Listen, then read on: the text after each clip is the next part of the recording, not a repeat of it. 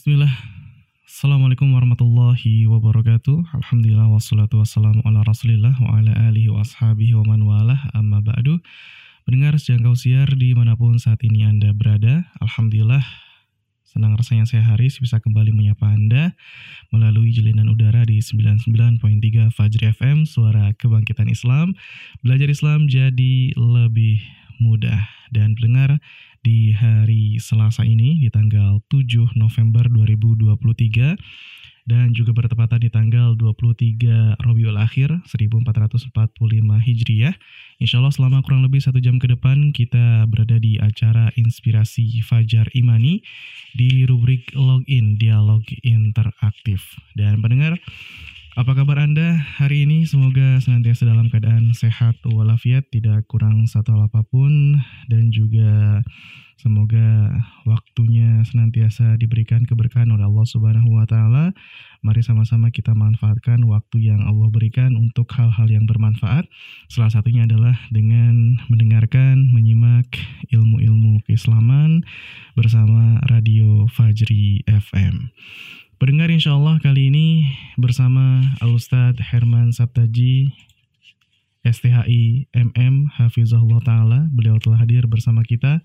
Assalamualaikum warahmatullahi wabarakatuh Ustaz Waalaikumsalam warahmatullahi wabarakatuh. Apa kabar Kang Haris? Alhamdulillah hmm, sehat. sehat. Semoga Ustaz juga sehat Ustaz ya. Amin, amin, amin Alhamdulillah amin. sehat. Dan juga pendengar di mana saja Anda berada Dikaruniai oleh Allah Subhanahu Wa Taala kesehatan dan nikmat-nikmat yang lainnya. Iya, dan juga kita masih berdoa Ustaz ya untuk uh, saudara-saudara kita yeah. di Palestina, di Gaza, semua semoga diberikan kemenangan oleh Allah Subhanahu wa taala. Amin. Amin. Yeah. Baik, pendengar, kali ini kita akan membahas tentang mengimani padang mahsyar dan silakan yang ingin bertanya bisa ke 0811 11 10 993 SMS WhatsApp Telegram ya bisa sebut nama Anda, kecamatan, kota domisili dan juga pertanyaan ya, nama, kecamatan, kota domisili dan juga pertanyaan Anda. Kemudian juga bisa ke Facebook Radio Fajri di facebook.com garis miring Radio Fajri. Dan baik pendengar, di mana pun Anda berada, pada pembahasan yang telah lalu ya kita telah membahas secara singkat tentang alam akhirat. Insya Allah pada kesempatan kali ini kita akan membahas tentang salah satu episode kehidupan manusia di alam akhirat yaitu tentang padang mahsyar dan tentunya ini masih ada kaitannya dengan kedahsyatan hari kiamat. Baik Ustadz sebagai iya. pembuka yeah. Ustadz ya, mungkin bisa dijelaskan tentang padang mahsyar ini yeah. apa atau bagaimana tentang peristiwa al-hasyar ini Ustadz silakan. Baik, bismillah, alhamdulillah, wassalatu wassalamu ala nabiyina Muhammadin wa ala alihi wa ashabihi wa man tabi'ahum bi ihsan ila yaumil qiyamah amma ba'du.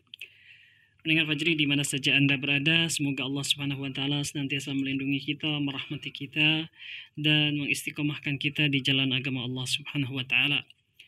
Alhamdulillah pada kesempatan kali ini kita kembali bertemu untuk bersama-sama mentadaburi uh, dan juga memberikan kepada kita penjelasan sedikit tentang apa yang akan kita lalui insya Allah taala dari episode-episode kehidupan di akhirat atau peristiwa-peristiwa yang terjadi pada hari kiamat.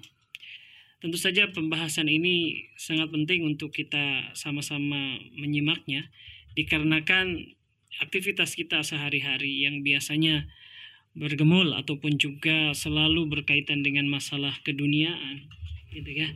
Maka kita penting untuk mentadaburi peristiwa akhirat sebagai penyeimbang dan juga persiapan untuk kita ya.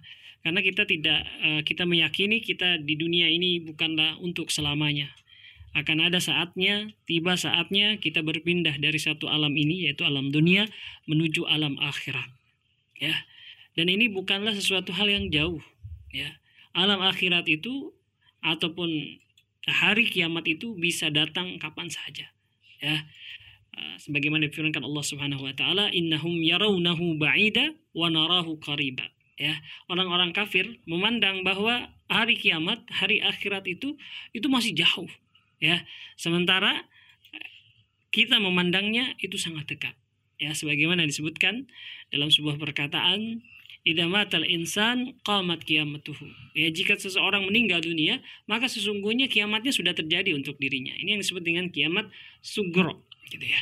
Jadi kita membahas ini untuk mentadaburinya dan juga untuk persiapan kita menghadap Allah Subhanahu wa taala dan agar kita termotivasi untuk beramal saleh ya kita bermotivasi untuk beramal saleh dan memotivasi kita untuk bertaubat kepada Allah Subhanahu wa taala dan juga untuk bekal kita untuk mendapatkan keriduan, kesabaran ketika ketika kita ditimpa suatu musibah. Karena memang hakikat dari dunia itu ya banyak isinya adalah masalah-masalah, banyak isinya adalah ujian-ujian. Ya. Dan ketika kita eh, menyandingkan ujian tersebut, musibah tersebut dengan kehidupan akhirat, maka kita akan tenang ya bahwa musibah-musibah yang terjadi akan menjadi sarana bagi kita menggugurkan dosa. Akan menjadi sarana bagi kita untuk mengumpulkan pahala. Ya menjadi peneguh kesabaran kita.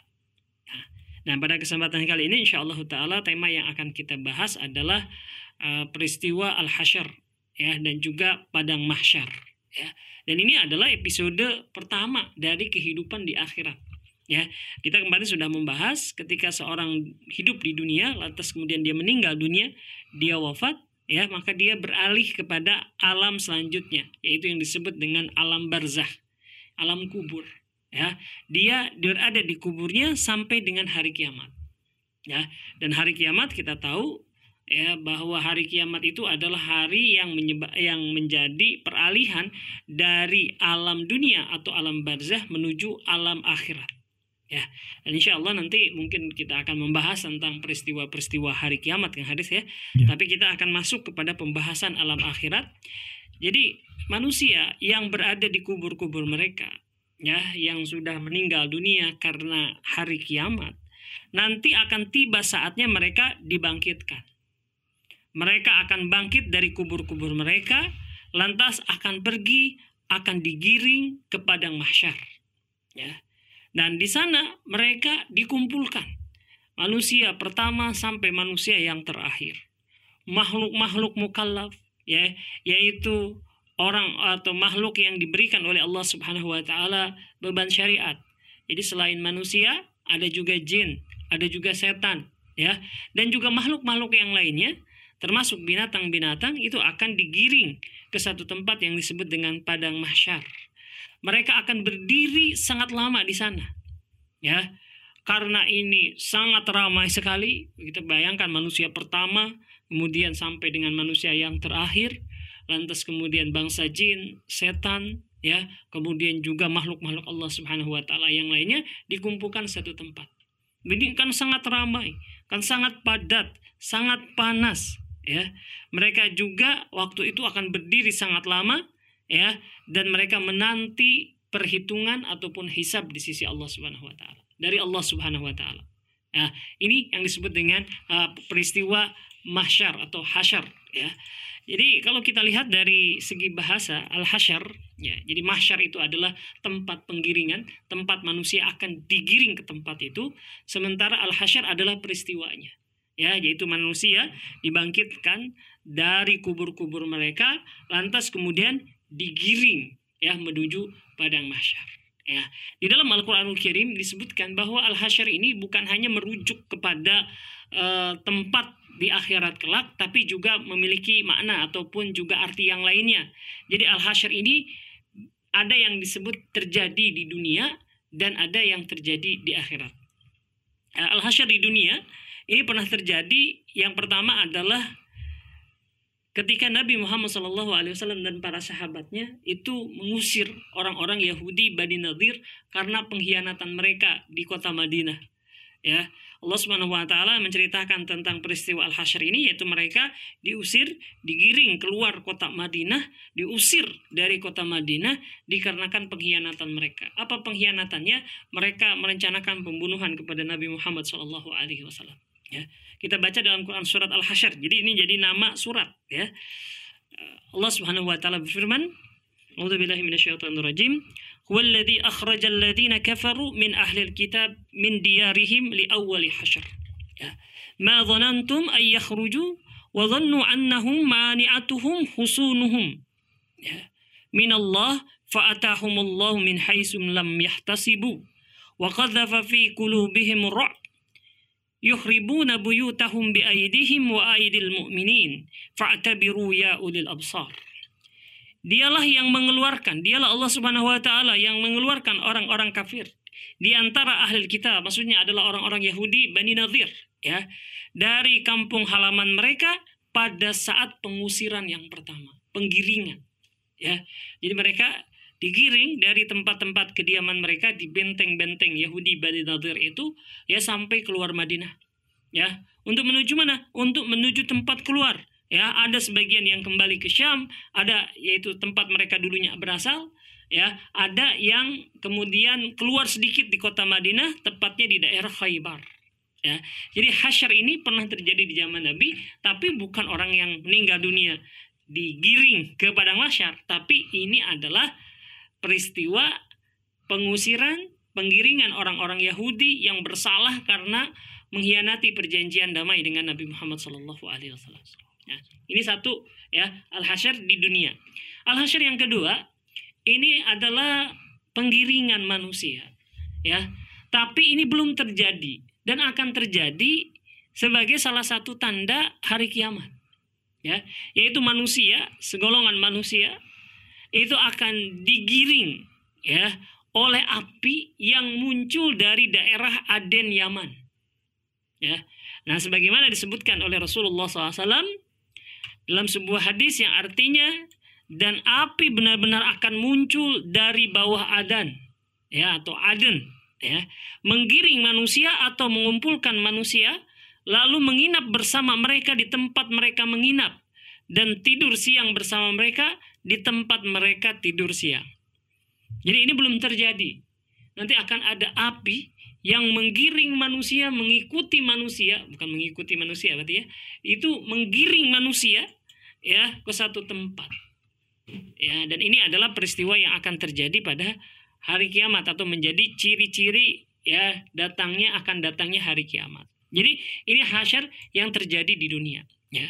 Nah, pada saat ini pembahasan kita karena ini adalah episode pembahasan alam akhirat tentu bukan dua hal tadi yaitu hasyar di dunia. Tapi ada hasyar di akhirat ya. Yang pertama adalah hasyar di akhirat itu artinya adalah pengumpulan manusia dan seluruh makhluk lainnya ke padang mahsyar ya. Dan ini yang akan kita bahas yaitu manusia mereka setelah mereka dibangkitkan dari kubur-kubur mereka mereka akan dikumpulkan ya akan dikumpulkan dan digiring ke satu tempat yang sangat luas yang mampu untuk menampung manusia dari yang pertama sampai yang terakhir. Jadi manusia pertama Adam alaihissalam sampai dengan manusia yang mengalami hari kiamat itu akan dikumpulkan. Termasuk yang meninggal dunia, yang sudah meninggal dunia ribuan tahun sebelumnya. Ya, dikumpulkan juga bangsa jin dan setan ya dikumpulkan juga makhluk-makhluk yang lainnya ya yang bernyawa. Semua itu akan dikumpulkan di satu tempat. Ya, sebagaimana firman Allah Subhanahu wa taala, "Qul innal awwalina wal akhirin lamajmu'una ila miqati yaumin ma'lum." Ya. Katakanlah sesungguhnya orang-orang yang terdahulu dan yang kemudian semuanya akan dikumpulkan pada waktu tertentu itu pada hari yang sudah dimaklumi, pada hari yang sudah dipastikan oleh Allah Subhanahu wa taala yaitu pada hari kiamat nanti. Ya. Dalam ayat yang lain, "Dzalika yaumun majmu'un lahun nasu wa dzalika yaumun mashhud." Ya. Itulah hari ketika semua manusia dikumpulkan untuk dihisap dan itulah hari yang disaksikan oleh semua makhluk. Ya, jadi itulah peristiwa uh, yang disebut dengan peristiwa hasyar yaitu penggiringan dan pengumpulan manusia di satu tempat yang disebut dengan padang mahsyar ya.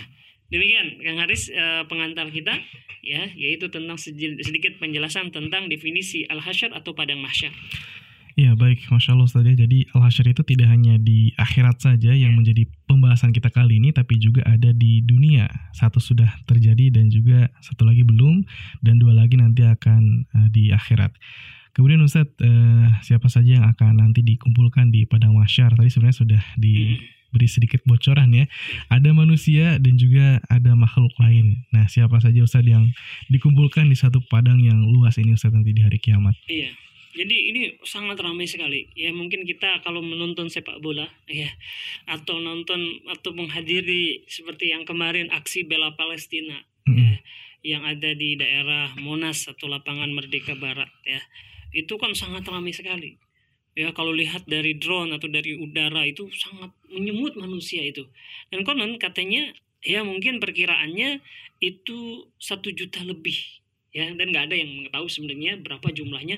Tapi banyak lah oke kita katakan nah, ini satu juta orang atau dua juta orang. Dan ingat dua juta orang itu ya itu sebagian kecil dari penduduk ya Jabodetabek. Ya Jabodetabek saja setahu saya jumlahnya mungkin kalau di antara Jakarta Bogor Tangerang Bekasi gitu ya eh, Karawang gitu ya. Itu mungkin sekitar 25 juta. Berarti itu cuma 10% sebanyak itu ya dan ini manusia yang sekarang aja jumlah penduduk manusia yang hidup di dunia ini sekitar 6 miliar orang. Ya su- ribuan tahun usia manusia ini sudah ada ya dan banyak sekali gitu ya. Mungkin berpuluh-puluh miliar manusia akan dikumpulkan di satu padang mahsyar ya di satu tempat yang disebut dengan padang mahsyar jadi pertama adalah manusia.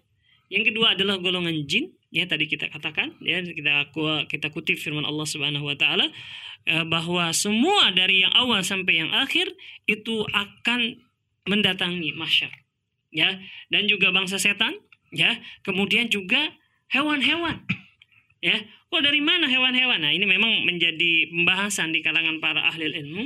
Apakah eh, hewan-hewan ya ini juga akan dikumpulkan gitu ya. Nah sebagian para ulama dan ini adalah satu pendapat yang kuat juga menunjukkan bahwa ya hewan-hewan ya atau binatang-binatang juga akan dikumpulkan ya pada hari mahsyar ya. Disebutkan di dalam firman Allah Subhanahu wa taala dalam Quran surat Asy-Syura ayat ke-29 wa min ayatihi khalqus samawati wal ard wa ma batha fihima min dabatin wa huwa ala jam'ihim idza yasha'u ya. Dan di antara tanda-tanda kebesarannya adalah penciptaan langit dan bumi dan makhluk-makhluk yang melata yang dia sebarkan pada keduanya ya. Dan dia maha kuasa mengumpulkan semuanya apabila dia kehendaki ya. Di ayat ini Allah Subhanahu wa taala mengatakan bahwa Allah Subhanahu wa taala ya menciptakan langit dan bumi dan termasuk di antaranya adalah penghuninya manusia dan makhluk-makhluk yang melata jadi dikhususkan ini menunjukkan bahwa bahwa eh, makhluk-makhluk yang melata yaitu binatang-binatang juga akan dikumpulkan oleh Allah Subhanahu wa taala. Dalam ayat yang lain wa idza wuhushu husyirat ya dan apabila binatang-binatang liar itu dikumpulkan ya dan dikumpulkan tentu saja yang maksud adalah dikumpulkan pada padang mahsyar ya. Nah inilah dalil-dalil yang menunjukkan bahwa eh, ketika peristiwa pengumpulan itu bukan hanya manusia tapi ada makhluk-makhluk yang lain ya.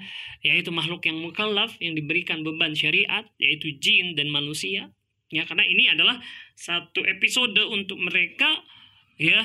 Uh, satu episode untuk mereka mempertanggungjawabkan ya. Jadi uh, jin ya setan juga mereka diperintahkan oleh Allah untuk mentaati Allah Subhanahu wa taala ya. Dan setan ataupun jin yang kafir ya itu ketika mereka melanggar perintah Allah Subhanahu wa taala itu akan ada pertanggungjawabannya. Ya dan salah satunya adalah di padang mahsyar nanti.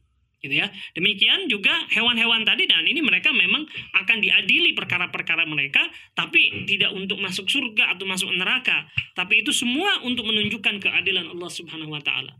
Disebutkan bahwa dalam sebuah hadis yang diriwayatkan oleh Imam Muslim ya dari Abu Hurairah bahwa Rasulullah Shallallahu Alaihi Wasallam bersabda yang artinya semua hak itu pasti akan dipenuhi oleh pemiliknya pada hari kiamat. Ya pasti dia akan mendapatkan keadilannya. Maksudnya seperti itu. Hingga kambing yang bertanduk pun ya akan dituntut untuk dibalas oleh kambing yang tidak bertanduk. Ya, jadi ketika terjadi perkelahian hewan ya antara kambing yang bertanduk dengan kambing yang tidak bertanduk ya berarti ada kezaliman di sana itu akan diselesaikan nanti di padang mahsyar. Ya, ini berdasarkan dalil-dalil itulah ya para ulama mengatakan bahwa ya hewan-hewan pun akan ikut dikumpulkan pada padang mahsyar nanti untuk diadili ya untuk memberikan keadilan ya bukan kalau hewan bukan untuk masuk surga atau neraka tapi untuk menegakkan keadilan di sana Ya, demikian. Iya, baik. Masya Allah ya.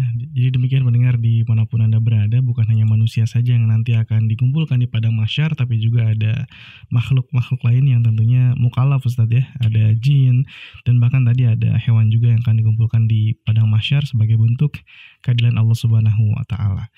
Baik, Ustadz, selanjutnya ini kita tahu ya bahwa semua makhluk dikumpulkan di padang masyar ini sifat-sifatnya bagaimana Ustadz nih Padang Mahsyar? Kalau kita lihat stadion kan tahu jelas nih bentuknya seperti ini ya. Uh, kemudian luasnya gimana? Ini kalau Padang Mahsyar ini sifat-sifatnya Ustadz yang yeah. bisa menjadi gambaran bagi kita tuh bagaimana Ustadz? Ya yeah. baik ya. Berdasarkan dalil-dalil yang kita baca ya bahwa Padang Mahsyar adalah satu tempat tadi. Tempat yang luas ya. Tempat yang luas. Hanya saja uh, ada perbedaan di kalangan para ulama setelah mereka memper, uh, apa, diperlihatkan dalil-dalil dari ayat-ayat Al-Quran pun hadis-hadis Rasulullah SAW. Ya, ada yang mengatakan bahwa padang masyar itu tempatnya ketika ditanya tempatnya di mana, gitu ya? Apakah di tempat di bumi ini yang sekarang kita tinggal ini, ataukah itu adalah bumi yang lain atau tempat yang lain yang bukan bumi tempat kita tinggal, gitu ya? Nah, Allah alam sebagian para ulama ini kemudian merojihkan ataupun menguatkan bahwa padang masyar ya sejatinya adalah bumi ya yang kita tinggali sekarang ini yang telah ya disesuaikan untuk kebutuhan padang masyar tersebut. Ya.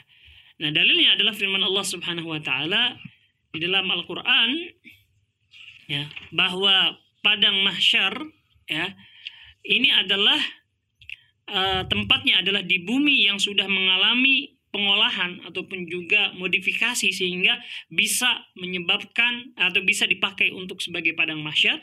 Firman Allah Subhanahu wa taala dalam Quran surat Al-Insyiqaq ayat ketiga. Wa idzal ardu muddat ya dan apabila bumi didatarkan. Ya. Kemudian di dalam hadis yang lain ya sebagai dalil bahwa uh, bumi atau padang masyar itu tempatnya adalah di bumi tempat kita berada sekarang ini yang kemudian sudah dimodifikasi tadi yang sudah diratakan ya. Yaitu Allah Subhanahu wa taala berfirman yauma idzin tuhaddisu akhbaraha ya. Pada hari itu bumi menyampaikan riwayatnya ya mencap, men, e, menceritakan kisah-kisah yang terjadi ya sebagai saksi sebagai dalil atas adanya suatu perbuatan gitu ya. Dan kemudian di dalam hadis yang lain Rasulullah SAW bersabda, La yasma'u ya madda sautil muadzin jinnun wala insun wala syai'un illa syahida lahu yaumal qiyamah. Tidaklah jin dan manusia ataupun juga suatu apa pun ya yang mendengar suara muadzin kecuali akan menjadi saksi baginya pada hari kiamat. Gitu ya. Jadi akan jadi menjadi hari kiamat, menjadi saksi. Jadi uh, kalau misalnya jadi berdasarkan uh, dalil-dalil ini, para ulama mengatakan bahwa uh, ketika bumi bagian dari bumi ini bersaksi tentang kejadian apa yang terjadi baik amal soleh ataupun perbuatan dosa ya kemudian juga tadi tentang fadilah muadzin bahwa siapa saja dari makhluk manusia ataukah jin ataupun apa pun ya yang mendengar lantunan suara adzan yang disampaikan oleh muadzin dan ini berarti adalah penduduk bumi ya atau ada di bumi ya ini akan bersaksi pada hari kiamat nanti. Akan kebaikan sang muadzin ya. Nah berdasarkan ayat ini berarti bahwa ketika terjadi mahsyar gitu ya. Ketika terjadi uh, hisap ya dan hisap itu terjadi di padang mahsyar maka bumi-bumi itu akan bersaksi. Benda-benda di bumi itu akan bersaksi. Berarti tempatnya adalah di bumi yang sekarang kita tinggali. Ya karena kalau misalkan di tempat yang lain nah itu uh, uh, apa namanya lebih uh, masuk akal ya bahwa bumi yang sekarang inilah yang tempat kita akan dijadikan sebagai padang masyar setelah tadi diratakan ya disesuaikan ya untuk padang masyar nanti. Jadi uh, sifat yang pertama adalah bahwa bumi tempat kita tinggal inilah yang akan menjadi padang masyar setelah diratakan atau disesuaikan sebagai padang masyar ya.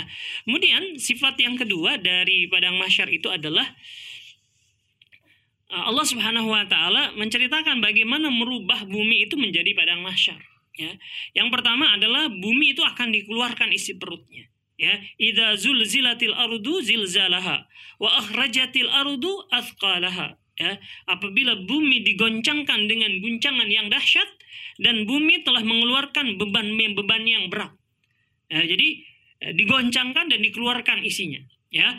Kemudian bumi-bumi didatarkan tadi wa idzal ardu muddat ya apabila bumi didatarkan ya. Kemudian gunung-gunung yang merupakan tempat yang paling tidak uh, apa namanya yang paling tidak datar gitu ya paling tinggi gitu ya itu dihancurkan ya. Wa yas'alunaka anil jibal. Ya dalam ayat kata mereka bertanya kepada Muhammad SAW tentang gunung-gunung itu ya. Fakul ya katakanlah saya sebutkan artinya ya Tuhanku akan menghancurkannya pada hari kiamat sehancur-hancurnya kemudian dia akan menjadikan bekas-bekas gunung itu rata sama sekali ya sehingga kalian tidak akan melihat lagi tempat yang rendah dan yang tinggi di sana. Jadi akan diratakan, gitu ya, akan diratakan. Nah, nah ini ini, jadi bagaimana merubah satu bumi ini menjadi padang masyar itu disebutkan oleh Allah Subhanahu Wa Taala di dalam Al Quran. Ya, kemudian sifat padang masyar yang lainnya adalah bahwa Ya Rasulullah Shallallahu Alaihi Wasallam bersabda, "Yuhsyarun nas yaumal qiyamah ala ardi bayda afra ya kakursati naqiyin laisa fihi ma ma'lam li ahadin ya. Pada hari kiamat nanti manusia akan dikumpulkan di atas tanah putih cemerlang. Tanahnya menjadi berubah warna putih gitu ya bagaikan roti yang bersih putih kemerah-merahan. Ya di sana tak ada lagi satu tanda pun bagi seseorang.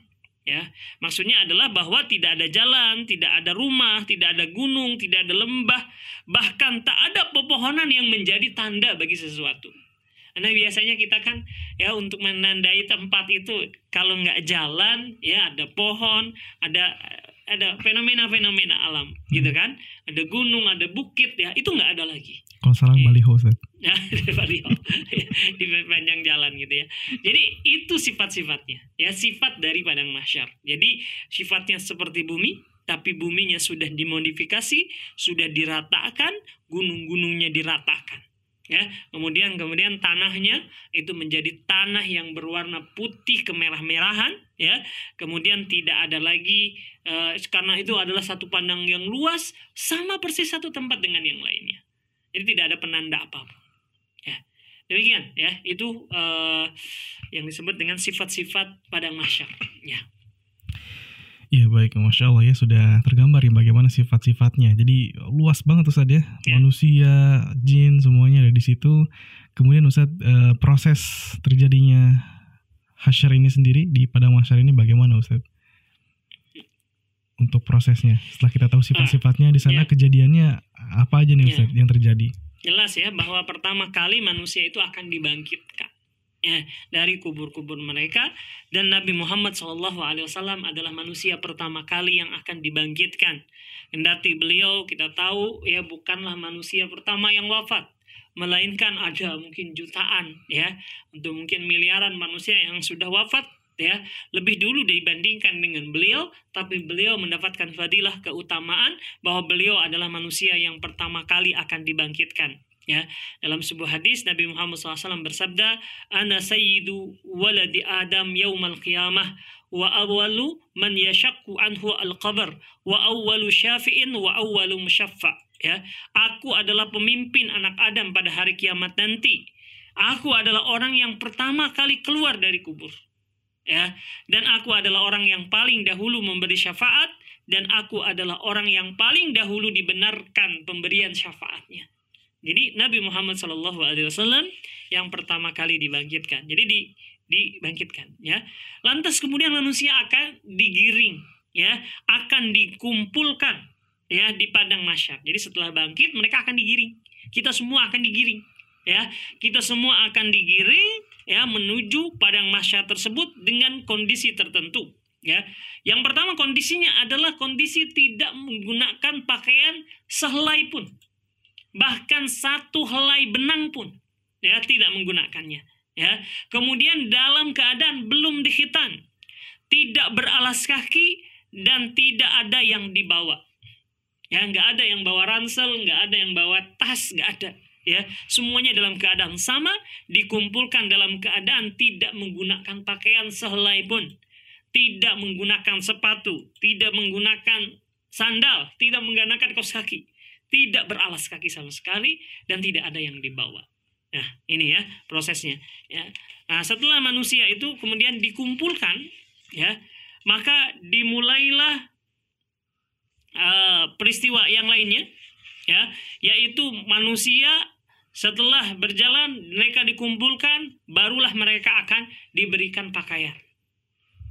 Ya, diberikan pakaian. Dan yang pertama kali mendapatkan pakaian adalah Nabiullah Ibrahim alaihi salam ya. Sebagaimana sabda Rasulullah SAW inna awwalal khalaik ya yuksa yaumal qiyamah Ibrahim ya. Sesungguhnya makhluk pertama yang diberikan pakaian oleh Allah pada hari kiamat adalah Nabi Ibrahim ya yang diberikan pakaian ya. Kemudian setelah itu prosesnya adalah manusia diam di tempat itu. Diam di padang masyar dalam waktu yang sangat lama Bahkan kemudian muncul fenomena-fenomena yang lainnya, yaitu matahari didekatkan seukuran satu mil. Ya, satu mil jarak, ya sekarang ini setara dengan sekitar satu setengah kilometer. Ya, satu setengah kilometer. Kita bayangkan sangat dahsyat sekali ya. Kita kemarin di waktu musim panas saja, ya di Bogor yang biasanya dingin itu merasakan kepanasan yang luar biasa. Ya, padahal ketika itu kita lihat dari uh, pengukur tingkat kepanasan ataupun juga uh, cuaca ya itu kalau dihitung itu hanya 37 derajat Celcius ya. Itu sudah sangat kepanasan. Kalau kita keluar tanpa menggunakan penutup kepala itu pusing luar biasa. Ya, itu 37 derajat ya padahal itu jaraknya dengan kita itu sekitar 1500 eh, 150 ribu kilometer. Nah ini didekatkan ya sampai hanya satu setengah kilo, satu setengah kilo, ya berarti 10 ribu kali lipat. Berapa persen saya nggak tahu ya. Itu sangat dekat sekali gitu ya. Sehingga manusia ketika itu dalam keadaan kepayahan yang sangat luar biasa ya sehingga mereka mengeluarkan keringat yang sangat-sangat dahsyat. Bukan hanya karena panasnya, tapi karena padat dan sesaknya. Ya, karena padat dan sesaknya. Jadi matahari didekatkan, gitu. Ya, jadi setelah itu mereka menunggu ya sampai diadakannya hisab. Ya, demikian ya peristiwa-peristiwa yang terjadi ya, pada padang di padang masyar. Ya. Ya baik, Masya Allah saya terima kasih banyak. Jazakallahu khairan atas uh, ilmunya di kesempatan kali ini. Sebenarnya masih panjang Ustaz ya pembahasan tentang Padang Masyar. Hmm. tapi kita akan jeda dulu sebentar. Dan silakan bagi pendengar yang ingin bergabung yang ingin berdiskusi uh, berkaitan dengan Padang Masyar ini ya episode kita nanti di alam akhirat. Salah satu episode nanti setelah hari kiamat atau di hari kiamat ya silakan bisa ke 0811 11 10 993 0811 11 10 993 SMS WhatsApp Telegram atau di Facebook Radio Fajri. Dan tetap stay tune insyaallah kami akan kembali setelah jeda berikut. Ya pendengar yang budiman di mana pun Anda berada masih di 99.3 Fajri FM Suara Kebangkitan Islam Belajar Islam jadi lebih mudah Masih di acara Inspirasi Fajar Imani. Baik Ustadz kita lanjutkan lagi ya. Iya dan pendengar masih bersama Alustad Herman Sataji, Hafizullah Ta'ala. Kali ini kita tentang uh, membahas sebuah tema tentang mengimani padang mahsyar. Dan silakan yang pengen berdiskusi berkaitan dengan padang mahsyar ini atau kejadian di uh, kejadian Al-Hasyar silakan di 0811 11 10 993. Baik Ustadz, kita ya. langsung saja tanggapi pertanyaan-pertanyaan dari pendengar Fajri yang sudah mengirimkan pertanyaan ke meja redaksi. Baik, pertama dari Ibu Warni di hmm. Pondok Aren. Ini lebih ke alam barzah yang kemarin, yeah. ya. Izin bertanya apakah di alam barzah atau di alam akhirat itu uh, alam barzah, alam akhirat itu apakah berbeda, Ustaz? Itu yang pertama. Alam barzah dan alam akhirat apakah alam itu berbeda yeah. atau, atau termasuk bagian dari alam akhirat?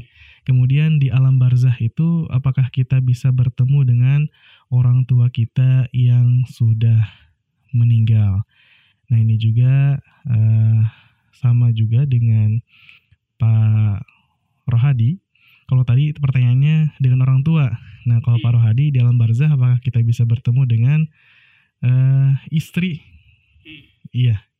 Iya. Gitu Ustaz. Baik. Silakan. Bismillahirrahmanirrahim. Salatu wassalamu ala nabiyina Muhammadin wa ala alihi wasallam.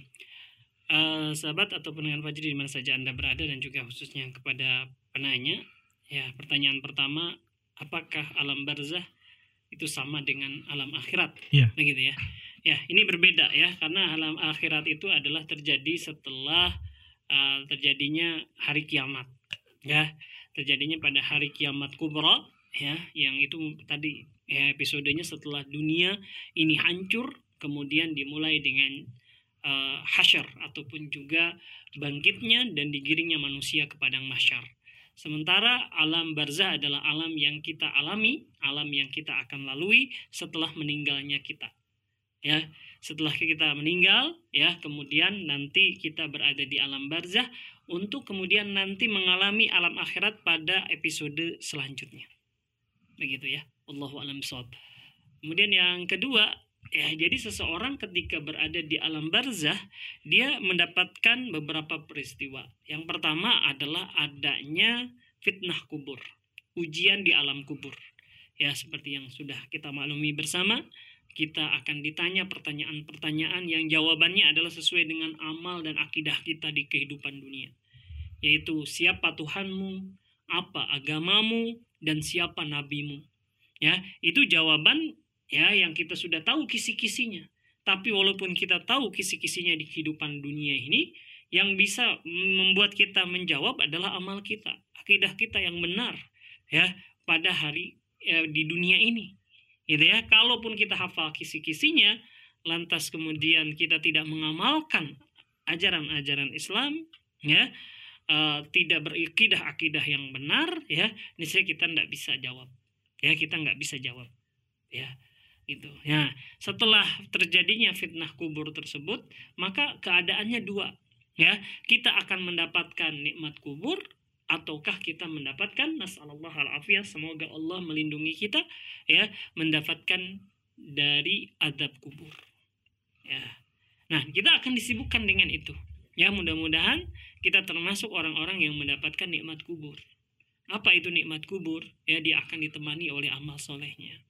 Dengan teman yang baik, yaitu amal-amal solehnya. Ya, kemudian akan dilapangkan kuburnya. Ya, kemudian akan dilihatkan posisinya di surga. Ya, ini satu kenikmatan yang sangat luar biasa sekali. Gitu ya.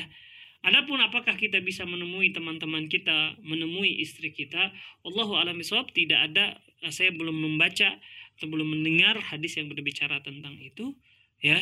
Jadi e, keadaannya ya seperti tadi kita akan disibukkan dengan nikmat kubur, kita tidak tidak bisa menemui keluarga kita ya, tapi nanti ya di episode akhirat nanti di padang mahsyar ya di peristiwa hisab kita akan bertemu dengan keluarga kita. Mudah-mudahan semua keluarga kita dikumpulkan oleh Allah Subhanahu wa taala di surga nanti. Amin ya rabbal. Baik, masya Allah demikian ya uh, jawaban dari pertanyaan uh, pendengar ya dan juga ada tadi Pak Rohadi di Kampung Kandang Tangerang ya. Baik, kemudian Ustadz berikutnya ada pertanyaan dari Pak Junaidi di Kemang Bogor. Assalamualaikum Waalaikumsalam warahmatullahi wabarakatuh. Ya, di Padang Masyar ini Ustadz apakah ada siang dan malam? Nah, syukuran Ustadz. Jazakallahu khairan. Di Padang Masyar ya. Iya. Yeah. Ya, kalau siang dan malam itu adalah makhluk di dunia. Ya, jadi karena ini sudah terjadi hari kiamat, maka tidak ada siang dan malam. Ya, tidak ada siang dan malam. Uh, di padang masyar itu nanti akan selalu terang. Siang dalam keadaan kalau seperti siang gitu ya seperti siang. Allah alam swab lantas kemudian kalaupun matahari ya itu ada matahari berarti siang belum tentu ya. Belum tentu keadaannya seperti itu ya. Karena matahari itu memang ditugaskan untuk menyinari untuk mendekat ya kepada manusia pada hari mahsyar tadi. Tapi tidak menunjukkan bahwa itu adalah siang dan malam ya. Gitu ya. Allah alam swab Iya, baik. Demikian ya untuk Pak Junaidi uh, dari Kemang Bogor. Terima kasih sudah ikut bertanya. Berikutnya ada dari Ibu Suhartini di Cipayung, uh, Depok ya. Baik, bismillah. Apakah jika seseorang yang sudah bertobat nih Ustadz, baik dari dosa besar dan juga dosa kecil, apakah nanti dosa-dosanya, kemaksiatannya akan tetap diperlihatkan di padang mahsyar? Iya. Silakan Ustaz. Ya, nanti manusia semuanya akan diadili oleh Allah Subhanahu wa taala dengan pengadilan yang ya sedetail-detailnya, seadil-adilnya termasuk dinampakkan amal-amal solehnya, dinampakkan amal-amal keburukannya. Ya, kita berhusnudzon kepada Allah Subhanahu Wa Taala. Allah Subhanahu Wa Taala akan mengampuni dosa-dosa kita yang telah lama, ya, yang telah kita lakukan di masa yang lalu dan menutupi aib-aib kita, ya, menutupi aib-aib kita. Karena di dalam sebuah hadis dikatakan barang siapa yang menutup aib seorang mukmin, maka Allah Subhanahu wa taala akan menutup aib-aibnya pada hari kiamat nanti. Ya, jadi sebuah perbuatan dosa yang kita lakukan lantas kita taubati, dosa-dosa itu sebenarnya adalah aib, ya. Tapi Allah Subhanahu wa taala menjanjikan pada hari kiamat nanti ya, termasuk di hari mahsyar nanti itu aib-aib kita akan ditutup, ya. Tanpa tentu saja tanpa mengabaikan bahwa setiap amal kebaikan dan amal kejahatan, amal keburukan kita akan dihisap. Ya, tapi bagi orang-orang yang beriman, yang bertaubat dan melaksanakan amal-amal yang bisa menutupi aib-aibnya, itu akan ditutupi aibnya di sisi Allah Subhanahu wa taala. Ya, oleh karena itu eh, kita berdoa kepada Allah Subhanahu wa taala agar Allah Subhanahu wa taala menutup aib kita di dunia dan di akhirat gitu ya. Jadi insya Allah taala aib kita tidak akan dinampakkan ya. Kalau kita beriman kepada Allah dan melakukan amal-amal soleh, bertobat atas dosa-dosa kita. Ya. ya baik, masya Allah demikian ya jawaban untuk pertanyaan Ibu Soehartini atau Ibu Tini dari Cipayung Depok. Kemudian berikutnya dari Ibu Anissa ini lebih ke uh, tanggapan aja Ustadz ya berkaitan yeah. dengan tausiah kali ini, dialog kali ini. Uh, Alhamdulillah, masya Allah uh, sangat bermanfaat uh, tausiahnya untuk meningkatkan keimanan kepada Allah Subhanahu wa taala dan juga mudah-mudahan kita mendapatkan syafaatnya uh, dan juga syafaat Rasulullah SAW. Amin, amin, amin, amin. alamin ya uh, dari Ibu Nisa yang sedang menyimak dari Lenteng Agung. Jakarta Selatan, Kecamatan Jagakarsa. Semoga Radio Fajri tetap jaya di udara dan kru kru Fajrinya, usad-usadnya bertambah barokahnya. Amin. amin, amin, ya Baik, Masya Allah. Jadi ada nanti ada satu episode syafaat juga Ustaz. Iya, insya Allah kita bahas tentang Masih syafaat. di Padang Masyar, ya. insya Allah ya. Baik, nanti disimak saja episode berikutnya di masih di Padang Masyar ya. Terima kasih Ibu Anissa uh, sudah ikut bergabung, Barakallahu Kemudian juga ada Pak Jojo nih dari Cibinong Bogor. Selamat bergabung. Assalamualaikum, waalaikumsalam warahmatullahi wabarakatuh. Uh, Pak Ustadz, apakah di padang mahsyar nanti manusia itu disatukan atau dicampurkan tanpa melihat golongan dari agamanya dan lain-lain? Jazakallah khair. Iya, jadi nanti pada hari kiamat nanti semua manusia dikumpulkan pada satu tempat yang sama. Sesak padat, gitu ya. Hmm. Tapi sebagai umat Nabi Muhammad Shallallahu Alaihi Wasallam, Nabi bisa membedakan antara umat beliau dengan yang lain ya dengan umat yang lain ataupun dengan orang-orang kafir ya. Jadi Nabi Muhammad Shallallahu Alaihi Wasallam itu bisa membedakan ya. Termasuk yang kita yang belum pernah ketemu dengan Nabi akan diakui sebagai umat Nabi Muhammad Shallallahu Alaihi Wasallam. Dan ini ditanya para sahabat gimana Nabi Anda bisa membedakan antara umat Anda dengan yang lain? Padahal manusia ramai waktu itu. Ya maka beliau mengatakan apakah seseorang bisa membedakan antara uh, kalau tidak salah ya uh, redaksinya seekor kuda yang memiliki uh, belang ya memiliki belang di antara kuda-kuda uh, putih. Atau sebaliknya ya serupa kuda putih di antara kuda-kuda yang hitam gitu ya. Nah kata Nabi demikianlah aku juga bisa membedakan umatku dengan umat-umat yang lain dikarenakan ada bedanya itu. Ya dan bedanya itu adalah dari bekas-bekas wudhu mereka gitu ya jadi kalau umat Islam kan selalu menjaga wudhunya minimal untuk sholat gitu ya nah nanti asar atau bekas-bekas eh, terbasuh air wudhu itu kelak nanti akan menjadi salah satu pembeda antara umat Islam dengan umat yang lainnya.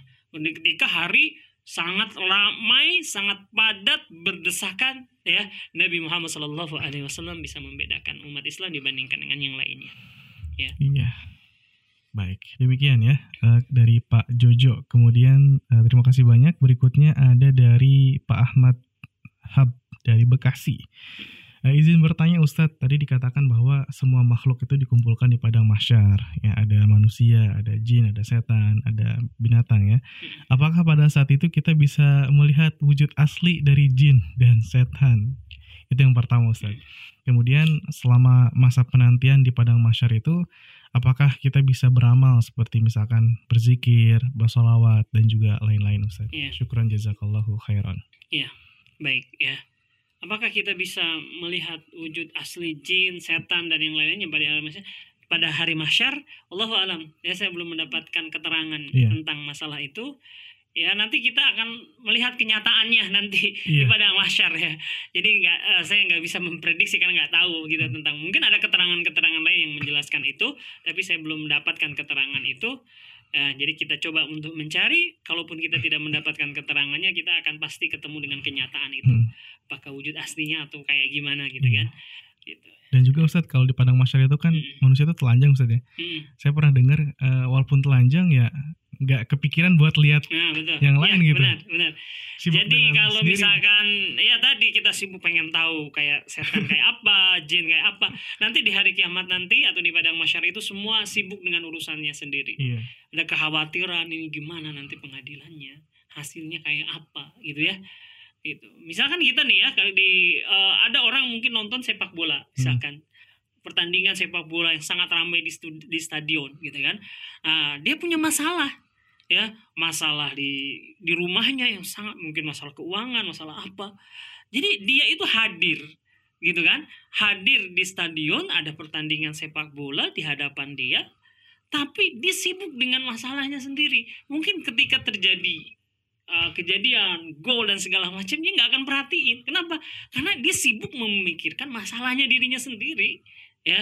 Nah begitulah ketika di padang masyar tadi ya ketika manusia dikatakan mendatangi padang masyar dalam keadaan eh, tidak menggunakan pakaian sehelai benang pun ya. Apakah kita waktu itu saling melihat aurat satu sama lain kata Nabi Muhammad SAW setelah ditanya oleh istri beliau yang tercinta Aisyah radhiyallahu anha itu urusan ketika itu jauh lebih dahsyat ya ketimbang saling melihat aurat sama sama lainnya kita akan disibukkan gitu Gitu. Tapi kalau apakah kita bisa melihat wujud aslinya jin ataupun setan pada hari kiamat nanti? Wallahu a'lam. Nggak tahu jawabannya ya. Iya, kemudian tadi Ustadz masih bisa beramal nggak Ustadz? Oke, ya tidak bisa karena memang hari itu adalah hari untuk pembalasan, hari untuk pengadilan. Sudah tidak ada kesempatan untuk beramal. Jadi kalau mau beramal ya di kehidupan dunia, ya karena dunia ini dijadikan oleh Allah Subhanahu Wa Taala sebagai tempat beramal, mengumpulkan bekal-bekal ketaatan kepada Allah Subhanahu Wa Taala ataupun juga mendapatkan pahala dari penjauhan ataupun juga peninggalan terhadap hal-hal yang diharamkan. Ya, nah nanti baru di akhirat pembalasannya. Itu jadi karena hari pembalasan nggak ada lagi kesempatan untuk beramal. Gitu Ya, baik. Masya Allah demikian ya eh, jawaban dari pertanyaan Pak Ahmad Hab dari Bekasi.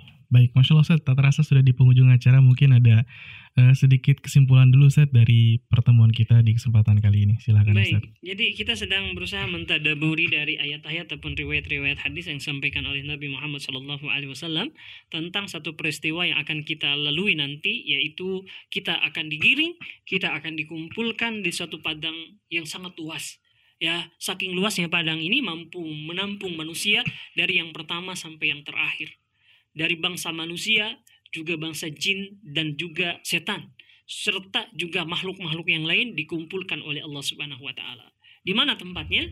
Menurut satu pendapat para ulama yang kuat mengatakan bahwa tempatnya masyar itu adalah di bumi tempat kita berada saat ini yang sudah dimodifikasi, sudah diratakan, ya, sudah tidak ada tanda-tanda seperti bumi yang lama yang ada nama jalannya, ada ciri-ciri tertentunya, ya. Ah, nah kita akan dikumpulkan dan dikumpulkan dalam waktu yang sangat lama ya keadaan saat itu sangat crowded, sangat padat, penuh, berdesakan ya eh, dan kita menunggu peristiwa selanjutnya yaitu hisab, penghitungan setiap amal-amal perbuatan kita. Dan insya Allah Ta'ala kita akan membahas tentang bagaimana agar kita di padang mahsyar ini mendapatkan naungan Allah Subhanahu Wa Ta'ala, pertolongan dari Allah Subhanahu Wa Ta'ala ketika hari yang menegangkan, melelahkan dan sangat panas itu. Insya Allah kita bahas pada pertemuan yang akan datang yaitu peristiwa tentang atau pembahasan tentang tujuh golongan yang mendapatkan payung atau naungan dari Allah pada hari mahsyar. Insya Allah Ta'ala. Baik. Demikian Haris dan mohon maaf apabila ada kekurangan. Ya, mudah-mudahan bermanfaat. Allahu a'lam. Baik, Masya Allah Ustaz. Jazakallah khairan eh, atas ilmu yang disampaikan di kesempatan kali ini semoga tentunya bisa menambah iman dan takwa kita kepada Allah SWT bisa menjadi bekal kita ya agar semakin giat lagi beribadah agar nanti di alam akhirat kita diberikan kemudahan dan next di episode sebelumnya eh di pertemuan berikutnya insya Allah akan dibahas tentang tujuh golongan yang mendapatkan naungan di hari kiamat. Mudah-mudahan kita termasuk eh, ketujuh golongan tersebut. Dan tetap stay tune terus di Radio Fajar FM insya Allah ya kita berharap agar dimudahkan oleh Allah Subhanahu wa taala dalam beribadah. Baik pendengar di mana pun anda berada, sampai di sini kebersamaan kita di acara inspirasi Fajar Imani. Jazakumullah khairan kathiron atas kebersamaan anda. Semoga ilmu ini disampaikan bermanfaat dan semoga kita bisa mengamalkannya. Wabillahi taufik wal hidayah. Wassalamualaikum warahmatullahi wabarakatuh.